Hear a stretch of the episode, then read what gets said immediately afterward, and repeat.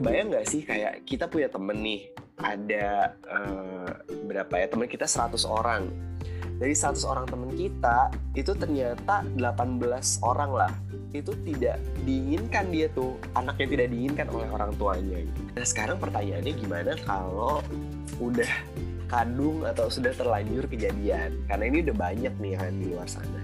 Nah karena memang kenyataannya di masyarakat kita meskipun tidak legal ya banyak yang masih berusaha mencari gitu nah itu kadang-kadang sedih sih sebetulnya karena banyak uh, metode yang akhirnya diakses sama mereka-mereka itu tuh nggak aman.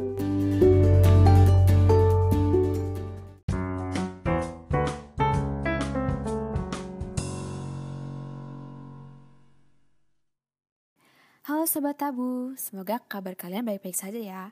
Perkenalkan, namaku Reva. Hari ini aku juga ditemani oleh Kak Firnita. Yuk kita langsung sambut aja. Halo Kak. Halo Sobat Tabu semua, namaku Firnita. Nah, di episode kali ini, di podcast kita, gak cuma dari tim Tabu doang nih yang bakal ngisi. Bakal ada tamu lagi supaya bahasannya bisa semakin oke. Okay. Oh ya? Emangnya hari ini kita mau bahas apa sih? Hari ini itu kita bakal ngebahas tentang kehamilan tidak diinginkan nih, Ref. Wah, seru banget Kak bahasannya. Iya sih ya, kalau misalkan bahasan tentang kehamilan tidak diinginkan, mungkin bakal lebih oke okay kalau ada yang lebih ngerti dan juga berkecimpung di bidang medis, yaitu Dr. Samuel Josafat Olam yang ternyata merupakan pembina tabu nih.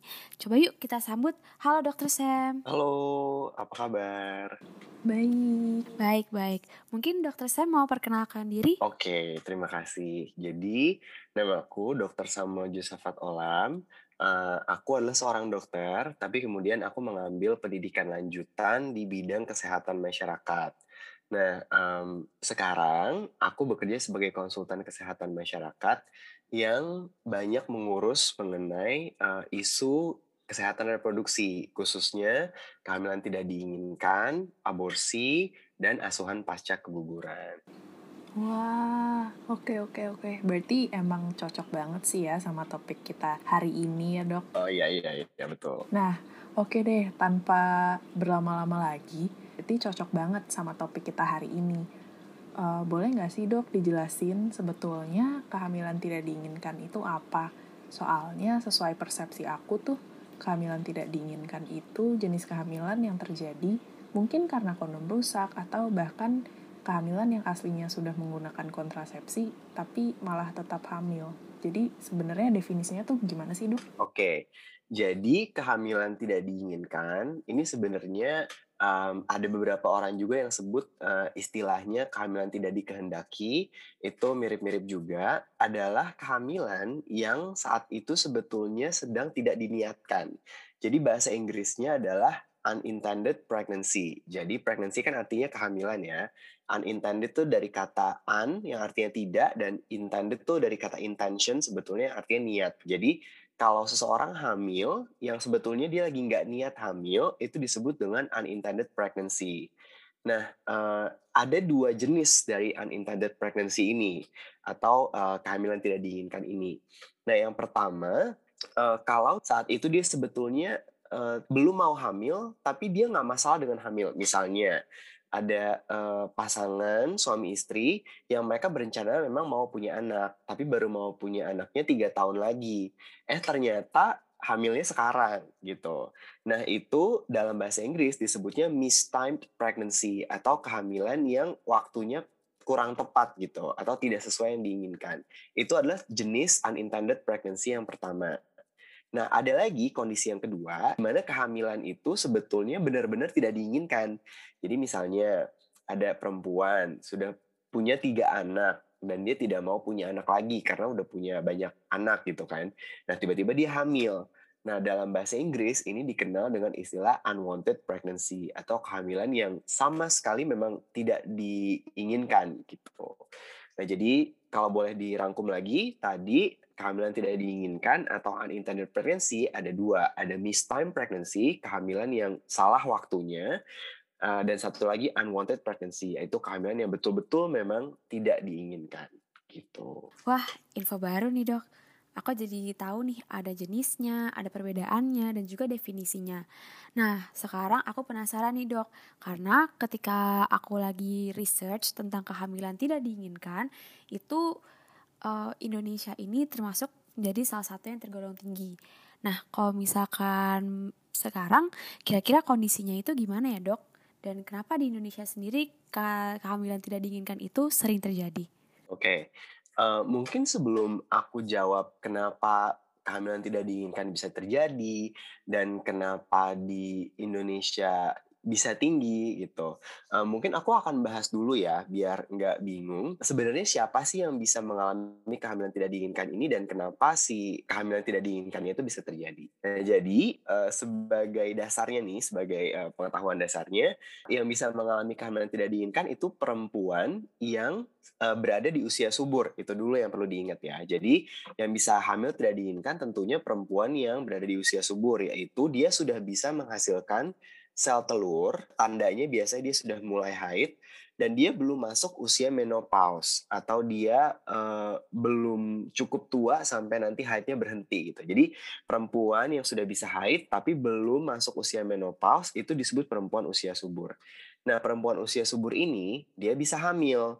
Nah, semua perempuan yang uh, berada di usia subur yang dia kemudian uh, aktif atau melakukan hubungan seksual tanpa alat atau metode kontrasepsi itu bisa mengalami kehamilan yang tidak diinginkan kalau memang dia belum mau untuk hamil. Contohnya nih ya daripada pusing nih. Uh, misalnya ada seorang perempuan, dia ingin hamil di usia 25 tahun. Saat ini dia sudah uh, sudah lewat pubertas ya berarti. Jadi misalnya sekarang usia berapa nih? Usia 20 tahun deh gitu. Dia udah udah masuk udah lewat masa puber, sudah haid tapi juga belum menopause. Nah, dia melakukan hubungan seksual tanpa kondom atau tanpa alat kontrasepsi lain, misalnya pil atau suntik, tapi sebetulnya dia belum mau hamil gitu. Nah, ketika dia hamil itu dia mengalami kehamilan tidak diinginkan. Sampai situ uh, bisa cukup dipahami ya kenapa kehamilan tidak diinginkan bisa terjadi dan pada siapa dia bisa terjadi ya. Oke. Okay. Nah, jadi uh, atas dasar pemahaman itu sekarang kita juga bisa paham nih bahwa ada dua kemungkinan kehamilan tidak diinginkan uh, ini bisa terjadi. Yang pertama, uh, ada hubungan seksual yang memang sebetulnya diinginkan, tapi uh, karena satu dan lain hal, perempuan usia suburnya ini tidak pakai kontrasepsi. Nah, kemungkinan yang kedua itu terjadi setelah hubungan seksual yang memang dipaksakan atau uh, perkosaan, di mana perempuannya ini memang nggak siap untuk berhubungan seksual, dan dia jadinya nggak sedang pakai alat kontrasepsi gitu. Nah, pada kondisi yang pertama, hubungan seksualnya kan sama-sama mau nih. Jadi dua belah pihak setuju, baik perempuan maupun laki-lakinya. Tapi saat mereka melakukan hubungan seksual itu, sebenarnya mereka tuh lagi, persi perempuannya terutama lagi nggak mau hamil. Nah, kenapa sih mereka jadi akhir atau perempuannya bisa jadi hamil?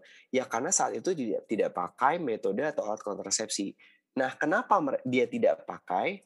Yang pertama, bisa jadi sebetulnya dia sudah pakai tapi gagal.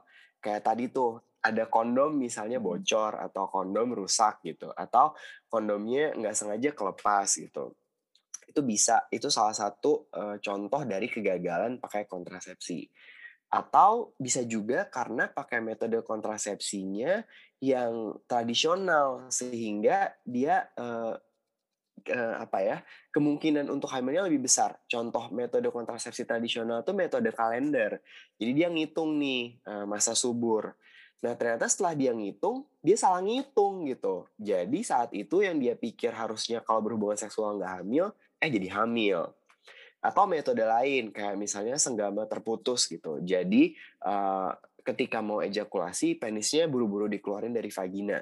Nah, itu juga rentan gagal gitu. Karena misalnya terlambat narik gitu. Jadi itu contoh yang pertama pada kondisi di mana hubungan seksual itu sama mau sama mau um, tapi terjadi kegagalan kontrasepsi itu bisa tuh terjadi kehamilan tidak diinginkan.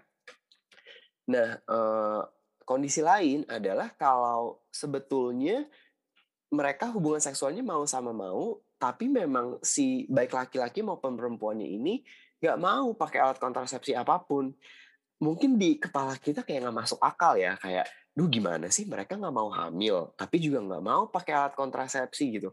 Nah kenyataannya di Indonesia banyak nih yang kayak gitu. Jadi uh, memang masih ada aja gitu. Nah kondisi yang uh, tadi yang pertama ketika hubungan seksualnya mau sama mau nah di yang kondisi kedua ini hubungan seksualnya terjadi dalam kondisi yang tidak diinginkan memang jadi ada keterpaksaan yaitu perkosaan nah ini perempuannya memang kemungkinan lagi nggak pakai alat kontrasepsi tertentu kan sehingga uh, ini sangat masuk akal kenapa akhirnya bisa terjadi kehamilan tidak diinginkan. Nah, aku lanjut lagi ya. Terkait dari yang tadi juga nih, memang di Indonesia menurut data BKKBN tahun 2019, 17 setengah persen kelahiran yang terjadi itu tidak dikehendaki loh. Jadi bahkan bukan kehamilan nih ya, ini ngomongin kelahiran. Jadi sudah sudah beranak gitu, sudah sudah lahir, um, ternyata pas ditelusuri dulunya 17,5% tuh kehamilannya tidak diinginkan. Um, ada sebagian yang memang tadi si miss time itu itu kalau nggak salah sekitar 15% yang sebetulnya kehamilannya sih nggak apa-apa bisa diterima tapi waktunya aja yang salah uh, kalau nggak salah itu sorry bukan 15% 13% sedangkan 5% itu betul-betul memang tidak diinginkan. Kebayang nggak sih kayak kita punya temen nih ada uh, berapa ya teman kita 100 orang. Dari 100 orang teman kita itu ternyata 18 orang lah. Itu tidak diinginkan dia tuh anak yang tidak diinginkan oleh orang tuanya gitu. Kan sebenarnya sedih ya jadi memang tinggi nih angkanya di Indonesia gitu nah kenapa bisa tinggi uh, kalau kita tadi ada dua inget ya ada dua ada yang karena perkosaan ada yang karena memang hubungan seksual yang mau sama mau tapi nggak pakai kontrasepsi. Kalau yang karena perkosaan, yaitu kita nggak bisa ngomong lah ya. Ya udah memang kenyataannya karena memang karena karena begitu karena kasus perkosaan di Indonesia masih banyak dan itu jadi PR negara kita untuk gimana bisa melindungi perempuan uh, supaya tidak terjadi perkosaan lagi. Tapi yang satu lagi ini yang soal ya yang hubungan seksual itu sebenarnya mau sama mau tapi nggak pakai kontrasepsi atau kontrasepsinya gagal. Nah, itu yang harusnya bisa dicegah gitu, ya kan? Nah, kenapa sih masih tinggi aja angkanya di Indonesia? Nah, ini berhubungan sama yang namanya unmet need. Pernah dengar nggak istilah unmet need, Reva sama Venita? Oh, belum pernah sih, Kak. Belum pernah. Belum pernah ya. Uh-huh. Jadi unmet need ini bahasa Inggris memang. Dan dia uh, terjemahannya uh, gampang, simple. Unmet kan artinya tidak terpenuhi, need artinya kebutuhan. Jadi kebutuhan yang tidak terpenuhi. Kebutuhan apa? Kebutuhan terhadap kontrasepsi. Nah, jadi sebetulnya ceritanya gini. Tadi ingat ya bahwa kehamilan tidak diinginkan ini bisa terjadi pada perempuan usia subur. Nah, banyak banget nih perempuan usia subur di Indonesia yang sebetulnya dia nggak pingin hamil, tapi juga nggak pakai alat atau metode kontrasepsi yang diperlukan untuk mencegah kehamilan. Nah, ini yang disebut dengan unmet need. Kenapa bisa terjadi unmet need? Alasannya macam-macam. Yang pertama, mungkin dia memang nggak kenal sama alat kontrasepsi. Jadi pengetahuannya tuh rendah gitu.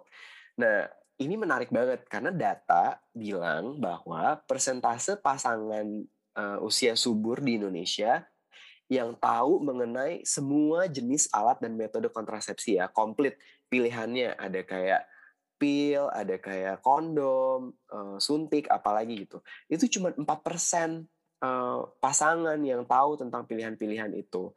Bayangin gak sih jadi kayak banyak banget di luar sana laki-laki dan perempuan usia subur yang mereka tuh nggak kenal dengan jenis-jenis kontrasepsi yang ada sebetulnya dan bisa mereka pakai untuk mencegah kehamilan. Nah itu baru sekedar pengetahuan ya.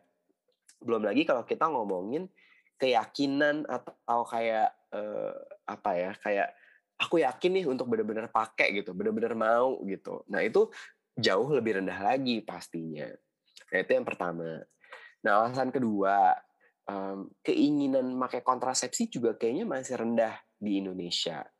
Menurut uh, SDKI tahun 2017, 41 persen perempuan usia subur itu menyatakan tidak berniat untuk pakai KB di masa mendatang.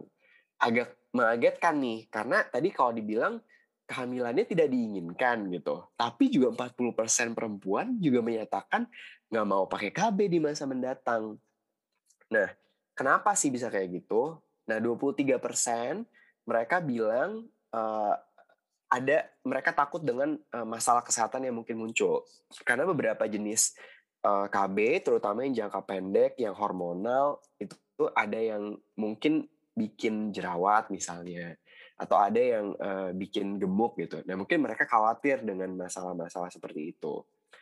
Terus ada lagi um, uh, kalau pria biasanya alasannya itu 32% bilang karena nggak setuju dengan KB. Ya kita nggak tahu ya, kadang-kadang kan ada kepercayaan tertentu atau ada pemahaman tertentu yang uh, mungkin nggak nggak tepat juga gitu, bikin orang jadi nggak setuju nih untuk pakai KB gitu.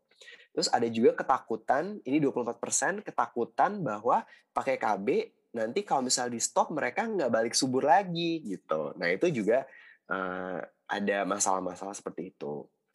Nah terus uh, apalagi nih masalahnya? Masalahnya juga terkait ketersediaan. Kalian tuh uh, sekarang udah mulai sering ya sebenarnya ngelihat kalau di minimarket minimarket itu udah uh, di rak-raknya ada kondom gitu kan. Kalian pernah lihat gak sih? Kayak Reva Finita mungkin pernah lihat ya? Di depan kasir. Iya di iya, depan kasir. gitu. Sebenarnya udah mulai udah mulai banyak sih dijual uh, secara luas gitu tapi untuk sebagian orang lainnya ya mungkin kalau nggak di daerah perkotaan atau mungkin uh, nggak apa namanya nggak nggak di dekat minimarket gitu, mereka masih agak susah juga untuk mengakses uh, metode atau alat kontrasepsi. Nah, sebenarnya metode sama alat kontrasepsi ini gratis loh. Kalian pernah pernah tahu nggak bahwa alat kontrasepsi itu gratis kalau di fasilitas kesehatan kayak di puskesmas, di rumah sakit itu sebenarnya gratis gitu. Oh. Nah, uh, cuma sayang sayangnya nih ya di Indonesia meskipun gratis itu hanya boleh diberikan bagi pasangan yang sudah menikah menurut undang-undang. Nah, jadi ada nih undang-undangnya, Undang-Undang Nomor 52 tahun uh, eh, 2009 kalau nggak salah itu tentang kependudukan itu mengatur bahwa layanan KB atau layanan kontrasepsi itu di fasilitas kesehatan pemerintah diberikan hanya untuk yang sudah menikah.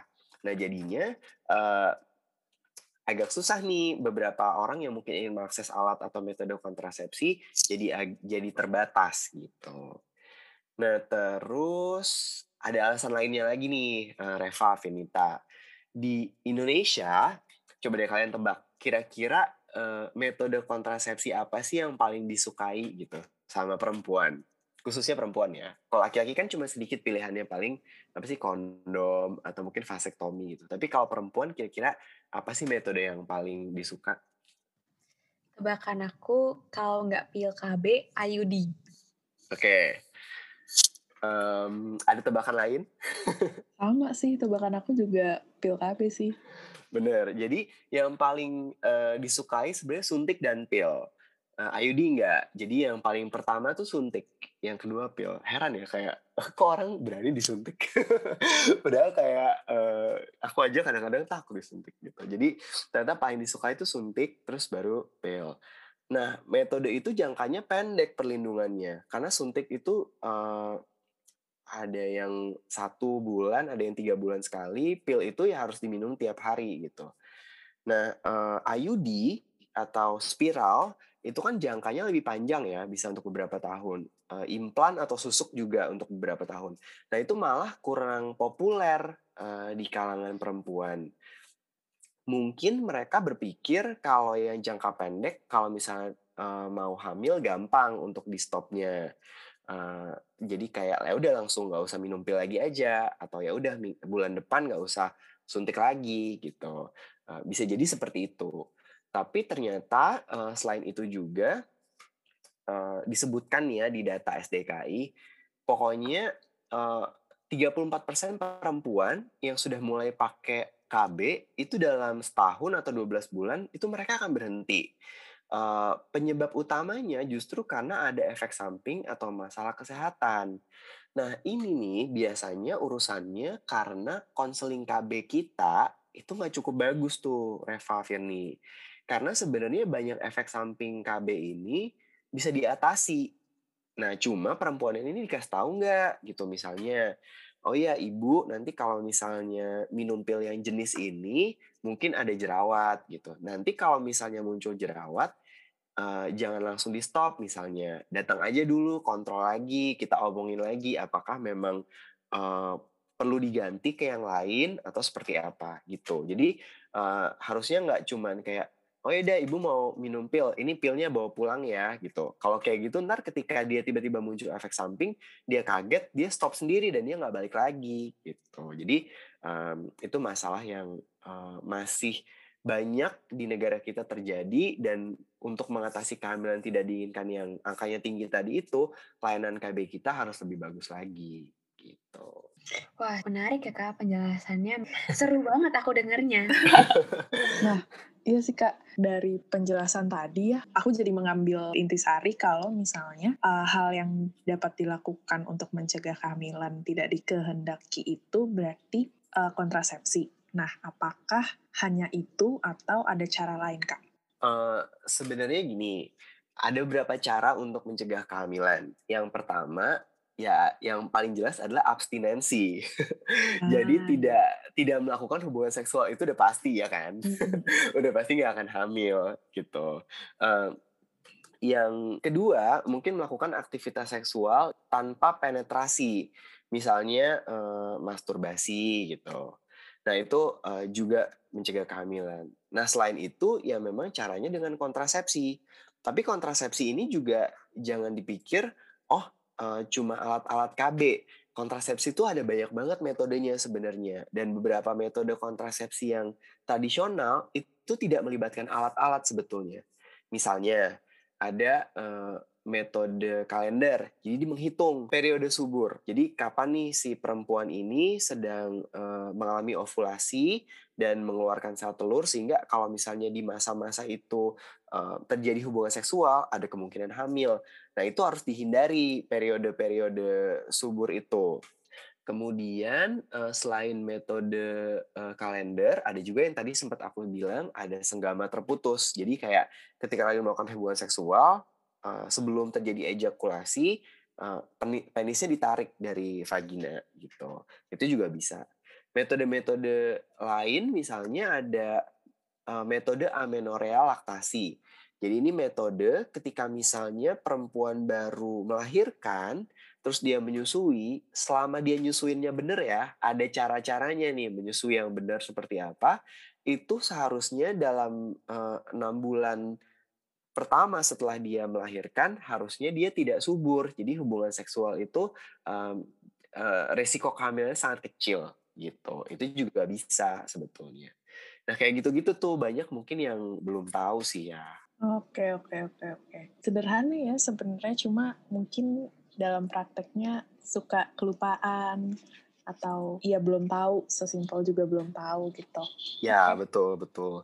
Dan oh iya ini juga tadi kamu sempat nyebut sering kelupaan. Bener sih kayak uh, kalau Metode kalender apalagi tuh. Nah iya kan kayak gitu-gitu kan rawan lupa, rawan salah ngitung ya kan? betul. kan. Meskipun ada apps sih sekarang kalau mm. untuk uh, kalender ya kayaknya tuh ada apps-apps tertentu kalau misalnya oh ya tapi metode kalender ini baru bisa dipakai kalau mensnya tuh ini loh apa teratur, teratur. gitu jadi oh. kalau misalnya ganti-ganti misalnya bulan ini 26 hari jaraknya dari bulan lalu. Terus ke bulan berikutnya 30 hari, ke bulan berikutnya lagi 27. Nah, itu rada susah tuh.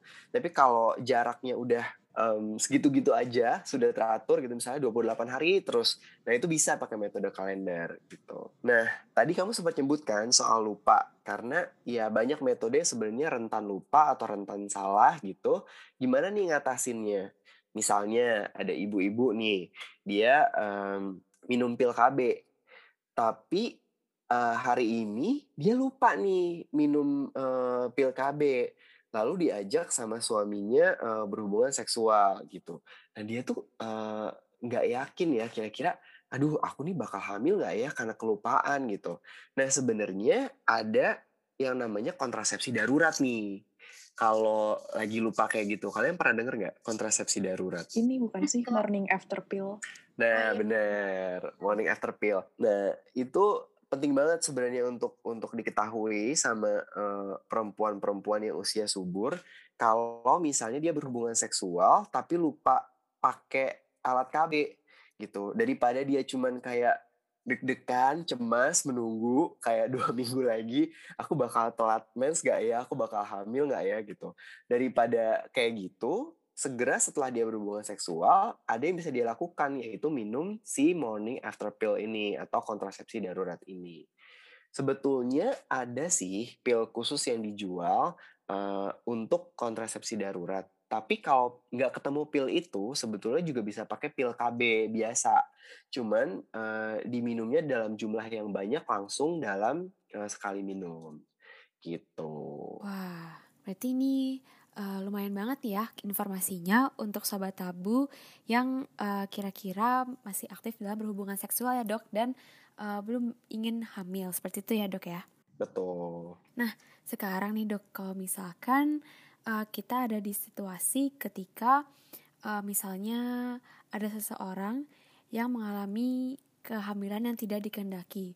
Nah, kira-kira apa yang bisa mereka lakukan dan apakah Indonesia ini bisa menjadi salah satu opsi? Oh, oke. Okay. Ini menarik ya, karena kan tadi kita kan ngebahas soal gimana mencegahnya ya tadi kan ngomongin soal KB, soal kontrasepsi darurat, soal uh, gimana caranya kita ngasih pengetahuan yang baik tentang kontrasepsi, uh, mencegah terjadi perkosaan gitu-gitu. Nah sekarang pertanyaannya gimana kalau udah kadung atau sudah terlanjur kejadian? Karena ini udah banyak nih kan di luar sana gitu. Nah um, sebenarnya balik lagi sih ke perempuannya Ketika seorang perempuan hamil dan kehamilan itu tidak diinginkan, sebagian perempuan itu dia memilih untuk melanjutkan kehamilannya karena penyebab apa pun ya. Dan sebagian perempuan lainnya memilih untuk mengakhiri kehamilannya. Nah, sayangnya di Indonesia untuk opsi yang mengakhiri kehamilan ini uh, itu menurut undang-undang hanya legal untuk dua indikasi atau hanya boleh dilakukan untuk dua indikasi. Jadi yang pertama, uh, ini istilahnya kan aborsi ya, pengakhiran kehamilan uh, itu istilahnya aborsi. Di undang-undang kita, aborsi hanya diizinkan yang pertama untuk kedaruratan medis. Jadi kalau misalnya si ibu yang hamil ini mengalami um, kelainan yang mengancam jiwanya atau mungkin kelainan pada janinnya yang sudah tidak bisa diselamatkan lagi, um, itu bisa dilakukan aborsi. Indikasi yang kedua adalah jika kehamilan itu terjadi akibat perkosaan. Tapi sebelum usia kehamilannya mencapai enam minggu gitu. Itu menurut kesepakatan uh, dari negara kita ya. Jadi pokoknya kalau usia kehamilan sebelum enam minggu, kehamilan akibat perkosaan masih boleh untuk diaborsi atau diakhiri gitu. Sisanya yang lain nih penyebab-penyebab lain misalnya kayak ibu-ibu beranak tiga sama suaminya uh, lupa pakai kondom gitu, terus hamil. Nah, itu bukan indikasi yang legal untuk dilakukan aborsi. Atau misalnya ada remaja belum menikah, terus mereka mau sama mau melakukan hubungan seksual, um, terus uh, hamil. Nah, itu juga bukan indikasi yang legal untuk dilakukan aborsi gitu. Oh, oke oke oke. Mm-mm. Nah, Nah. tapi kalian ini gak sih nonton Dua Garis Biru? Nonton. Nah, itu kan di situ kan dikasih lihat ya, kayak uh, perempuannya berusaha nyari akses layanan aborsi sebetulnya, Mm-mm, ya kan, gitu. Nah, karena memang kenyataannya di masyarakat kita, meskipun tidak legal, ya banyak yang masih berusaha mencari gitu. Nah, itu kadang-kadang sedih sih sebetulnya, karena banyak uh, metode yang akhirnya diakses sama mereka-mereka itu tuh nggak aman gitu loh. Hmm. Kayak ya kan, kayak waktu hmm. di yang dua garis biru aku lupa dianterinnya ke mana ya. Kayaknya sih klinik-klinik nggak uh, jelas gitu ya. Iya di gang-gang gitu. di gang-gang gitu ya. Itu masih mending.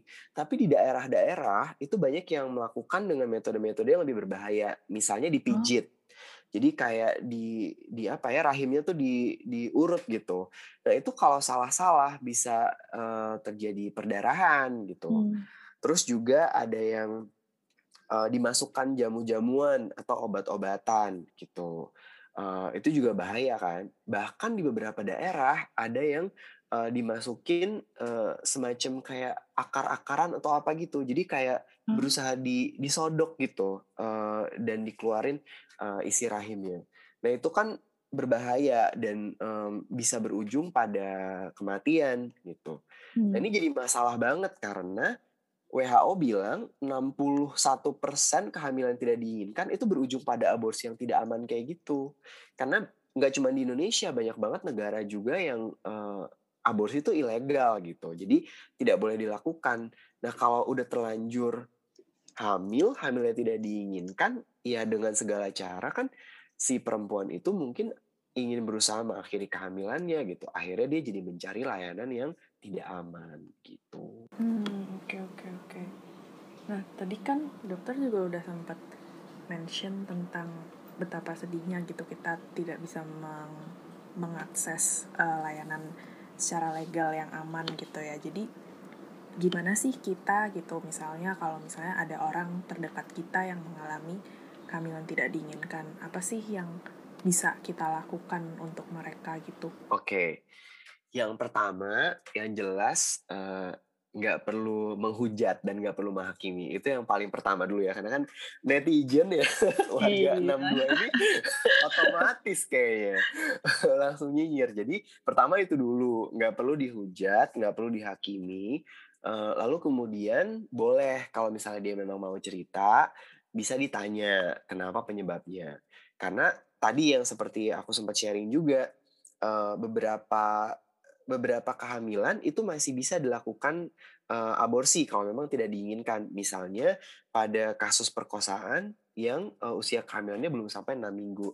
Nah, siapa tahu dia terjadi uh, hamil tidak diinginkannya itu karena memang perkosaan. Jadi bisa dibantu untuk mendapatkan layanan aborsi kalau memang dia uh, mencari atau memerlukan gitu.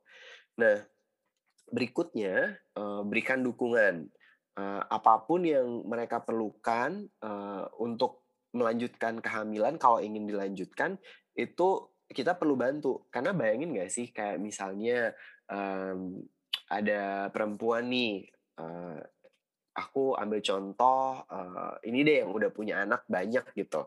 Udah punya anak empat terus abis itu dia hamil lagi dan dia sebenarnya nggak uh, ingin hamil lagi. Ada kesulitan ekonomi gitu. Pastikan dia butuh uh, butuh dukungan moral gitu butuh juga mungkin nanti kalau misalnya anaknya hamil terus siapa yang bantu ngasuh gitu kayak gitu-gitu jadi dukungan apa pun yang bisa kita berikan untuk mereka yang ingin melanjutkan kehamilan ya uh, kita berikan tapi mungkin juga uh, yang hamil itu bukan ibu-ibu, bisa juga remaja gitu. Nah ini mungkin lebih banyak lagi dukungan moral dan psikologis yang diperlukan sama dia karena uh, kayak kita udah nonton ya di dua garis biru menurut aku tuh contoh yang bagus banget gitu dan kayak uh, real banget kelihatan. Konsekuensinya ke mana-mana pendidikan mungkin akan berhenti. Mungkin dia nggak bisa lanjut lagi kan, kayak dikeluarin dari sekolahnya kalau ketahuan misalnya. Atau mungkin uh, terputus juga dari dari hubungan pertemanannya karena mungkin teman-temannya uh, ya mungkin emang ada yang ngejauhin dia tapi mungkin juga kalaupun tanpa sengaja ingin ngejauhin dia dianya sendiri juga mungkin nanti akan uh, secara otomatis jadi menjauh dari pertemanannya karena udah sibuk kan ngurusin uh, kehamilannya ngurusin ya macam-macam lah gitu atau mungkin nggak satu sekolah lagi gitu jadi hubungan pertemanan juga mungkin putus. Jadi mereka butuh lebih banyak lagi nih uh, dukungan psikologis atau mungkin uh, dukungan moral apa ya moral support gitu, dukungan moral dari dari kita. Nah, yang lebih sering terjadi pada yang lebih muda ini kalau misalnya terjadi kehamilan tidak diinginkan, dia malah cenderung untuk tidak memeriksakan kehamilannya dengan benar. Mungkin karena dia memang belum pengalaman nggak kayak ibu-ibu yang udah beranak empat misalnya atau beranak tiga udah tahu kalau hamil harus periksain kehamilan yang rutin gitu nah yang lebih muda mungkin jadi lupa atau nggak tahu gitu. Nah itu tuh harus diingetin uh, periksain kehamilan ini dengan rutin. Meskipun sebetulnya kamu nggak mau untuk untuk uh, hamil ini. Karena kalau misalnya tidak diperiksakan terus ada komplikasi medis gitu untuk uh, selama kehamilannya malah lebih bahaya lagi kan untuk uh, perempuan yang hamil itu. Apalagi biasanya usia muda banyak banget komplikasi kehamilannya gitu. Nah, yang terakhir uh, kasih informasi dan edukasi supaya dia jangan sampai melakukan aborsi yang tidak aman. Aku nggak nggak mau apa ya, nggak mau um, bilang bahwa kasih informasi dan edukasi supaya dia tidak melakukan uh, aborsi gitu. Kadang-kadang susah karena dia akan tetap berusaha untuk untuk nyari cara untuk bisa mengakhiri kehamilannya.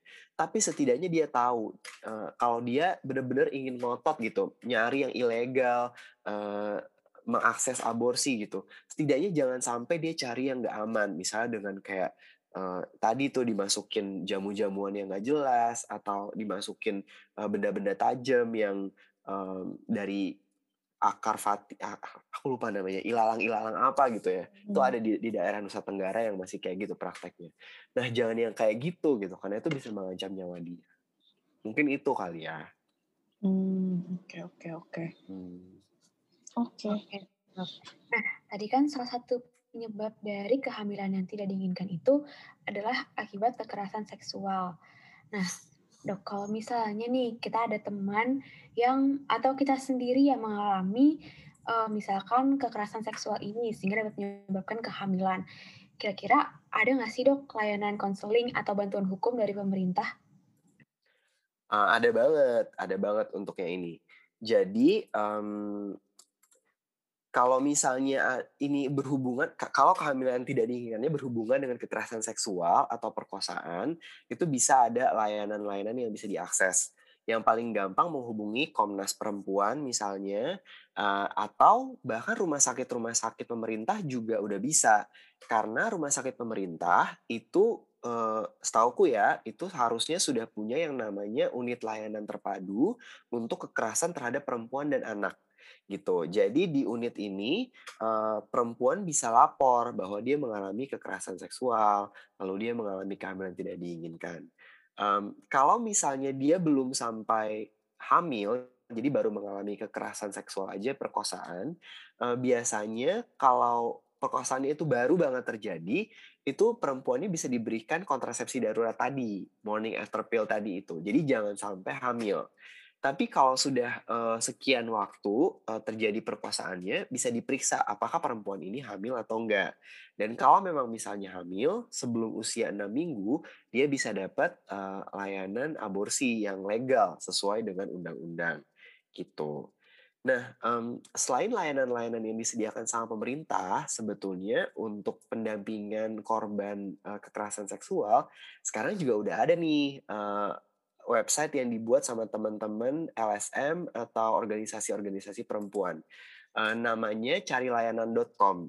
Jadi kalian bisa lihat aja ke situ, ntar di uh, tinggal klik-klik-klik gitu, nyari layanan apa yang dibutuhkan, uh, daerah kalian tempat tinggalnya di mana, nanti bisa di refer ke organisasi yang paling dekat dan paling cocok untuk kebutuhan layanan yang uh, diperlukan gitu. Oke. Tadi cari layanan.com ya berarti ya. ya. Cari layanan. Kalau kalau mau ceki-ceki info-info gitu. Betul. Iya sih, mungkin kitanya aja kali ya dok yang belum tahu atau belum mendengar atau membaca banyak gitu tentang itu karena ini info baru juga nih buat aku kalau misalnya ada layanan seperti itu dan maksudnya aku percaya pasti sebenarnya banyak juga teman-teman lain yang giat di isu seperti ini gitu jadi kayaknya sebenarnya banyak cuma kita yang nggak tahu nggak terpapar gitu ya nggak sih? Bener bener bener. Kayak kita aja nih yang uh, mungkin kayak teman-teman di tabu atau mungkin bahkan aku gitu yang uh, sering kerja di isu kesehatan reproduksi kadang-kadang nggak tahu sama info-info kayak gini. Apalagi kan teman-teman di luar sana ya yang yang clueless banget gitu yang bener-bener nggak pernah uh, ngedengar soal ini gitu. Jadi pasti masih banyak banget yang uh, butuh untuk dengar informasi ini Makanya cocok banget ya untuk jadi topik episode bicara tabu kali Betul, ini. Betul. nah, itu tadi bahasannya udah luas banget sih kita ngomongin tentang kehamilan tidak diinginkan dan ada beberapa hal yang aku jadi baru tahu juga bahkan persepsiku selama ini tentang kehamilan tidak diinginkan ternyata kurang tepat kirain cuma kehamilan yang terjadi di luar pernikahan atau bukan suami istri gitu kehamilan tidak diinginkan tapi kehamilan yang terjadi uh, dalam hubungan yang mau sama mau pun tetap bisa ya tadi disebut sebagai kehamilan tidak diinginkan. Tadi juga sempat tipis-tipis ngebahas tentang salah satu film favoritku tuh di Indonesia kan ada dua garis biru juga tentang isu kehamilan juga tuh. Jadi jadi pengen nonton lagi. betul betul itu bagus ya. Aku sedih banget nih aku belum pernah nonton. Mungkin setelah dari sini aku menonton kali ya biar lebih masuk gitu, biar lebih Cocok Iya, biar lebih dapat feel-nya untuk nonton dan informasi-informasi yang ada. Nah, topik kita kali ini yaitu kehamilan tidak diinginkan ini luas banget ya, Kak Vini ya, karena tadi ada ada banyak nih yang kesangkut kata topik ya. Ada aborsi, ada kontrasepsi, dan masih banyak lagi. Nah, makasih banget nih untuk Dokter Sam yang udah sharing tentang ilmu-ilmunya supaya uh, sobat tabu yang dengerin podcast ini, orang muda dan yang lain-lainnya bisa lebih aware dengan tindakan-tindakan preventif dan juga tindakan yang bisa kita lakuin kalau misalkan kita atau teman kita yang mengalami kehamilan tidak diinginkan. Nah, mungkin dari Dokter Sam ada closing statement. Okay. Jadi kalau dari aku, mungkin ini aja yang harus diingat bahwa kehamilan tidak diinginkan di Indonesia itu masih banyak banget. Sehingga kita perlu uh, per perluas lagi teman-teman kita yang dapat informasi mengenai perencanaan kehamilan yang baik. Jadi mereka harus ngerti soal uh, metode atau alat kontrasepsi, terus mereka juga harus punya pengetahuan kalau sampai misalnya mereka uh, terlanjur berhubungan seksual tapi enggak uh, uh, metode atau alat kontrasepsinya gagal atau mereka lupa pakai alat kontrasepsi harus apa gitu supaya bisa dicegah nih kehamilan tidak diinginkannya.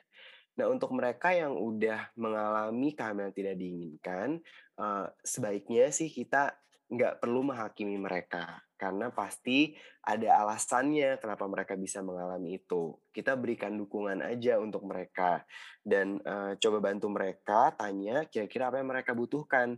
Nah, kita bisa bantu untuk merujuk mereka ke layanan yang dibutuhkan. Misalnya untuk yang mengalami kekerasan seksual, itu kita bisa arahkan ke yang tadi udah di uh, aku sempat share juga gitu, cari layanan.com. Atau misalnya mereka yang uh, mungkin itu bukan karena perkosaan, uh, itu mungkin karena hubungan seksual yang konsensual, ya kita tetap bisa berikan dukungan moral karena pasti ada banyak yang berubah di hidup mereka, baik itu tentang uh, kehidupan uh, pendidikannya, kehidupan sosial dan macam-macam. Oke, makasih banget Dr. Sam sudah menyimpulkan dan memberikan insight lagi di dalam closing statement-nya. Dan terima kasih juga buat Sobat Tabu yang udah dengerin nih sampai akhir, karena ini banyak banget informasi yang bisa sembari dicatat-catat tipis gitu untuk informasi pribadi dan kalau dibutuhkan nantinya. Jadi jangan lupa juga buat dengerin episode-episode kita sebelumnya karena udah banyak uh, ngomongin beberapa topik. Contohnya ada apa aja nih, Ref? Ada height, PMDD, vaginismus, hmm, apalagi ya? Ya pokoknya langsung cek aja deh. Jangan lupa juga untuk follow Bicara Tabu, biar kalau ada episode baru bisa langsung dengerin. Karena bersama Tabu, apa nih Kak Vini? Tidak lagi tabu. Yeay. Terima kasih Sobat Tabu.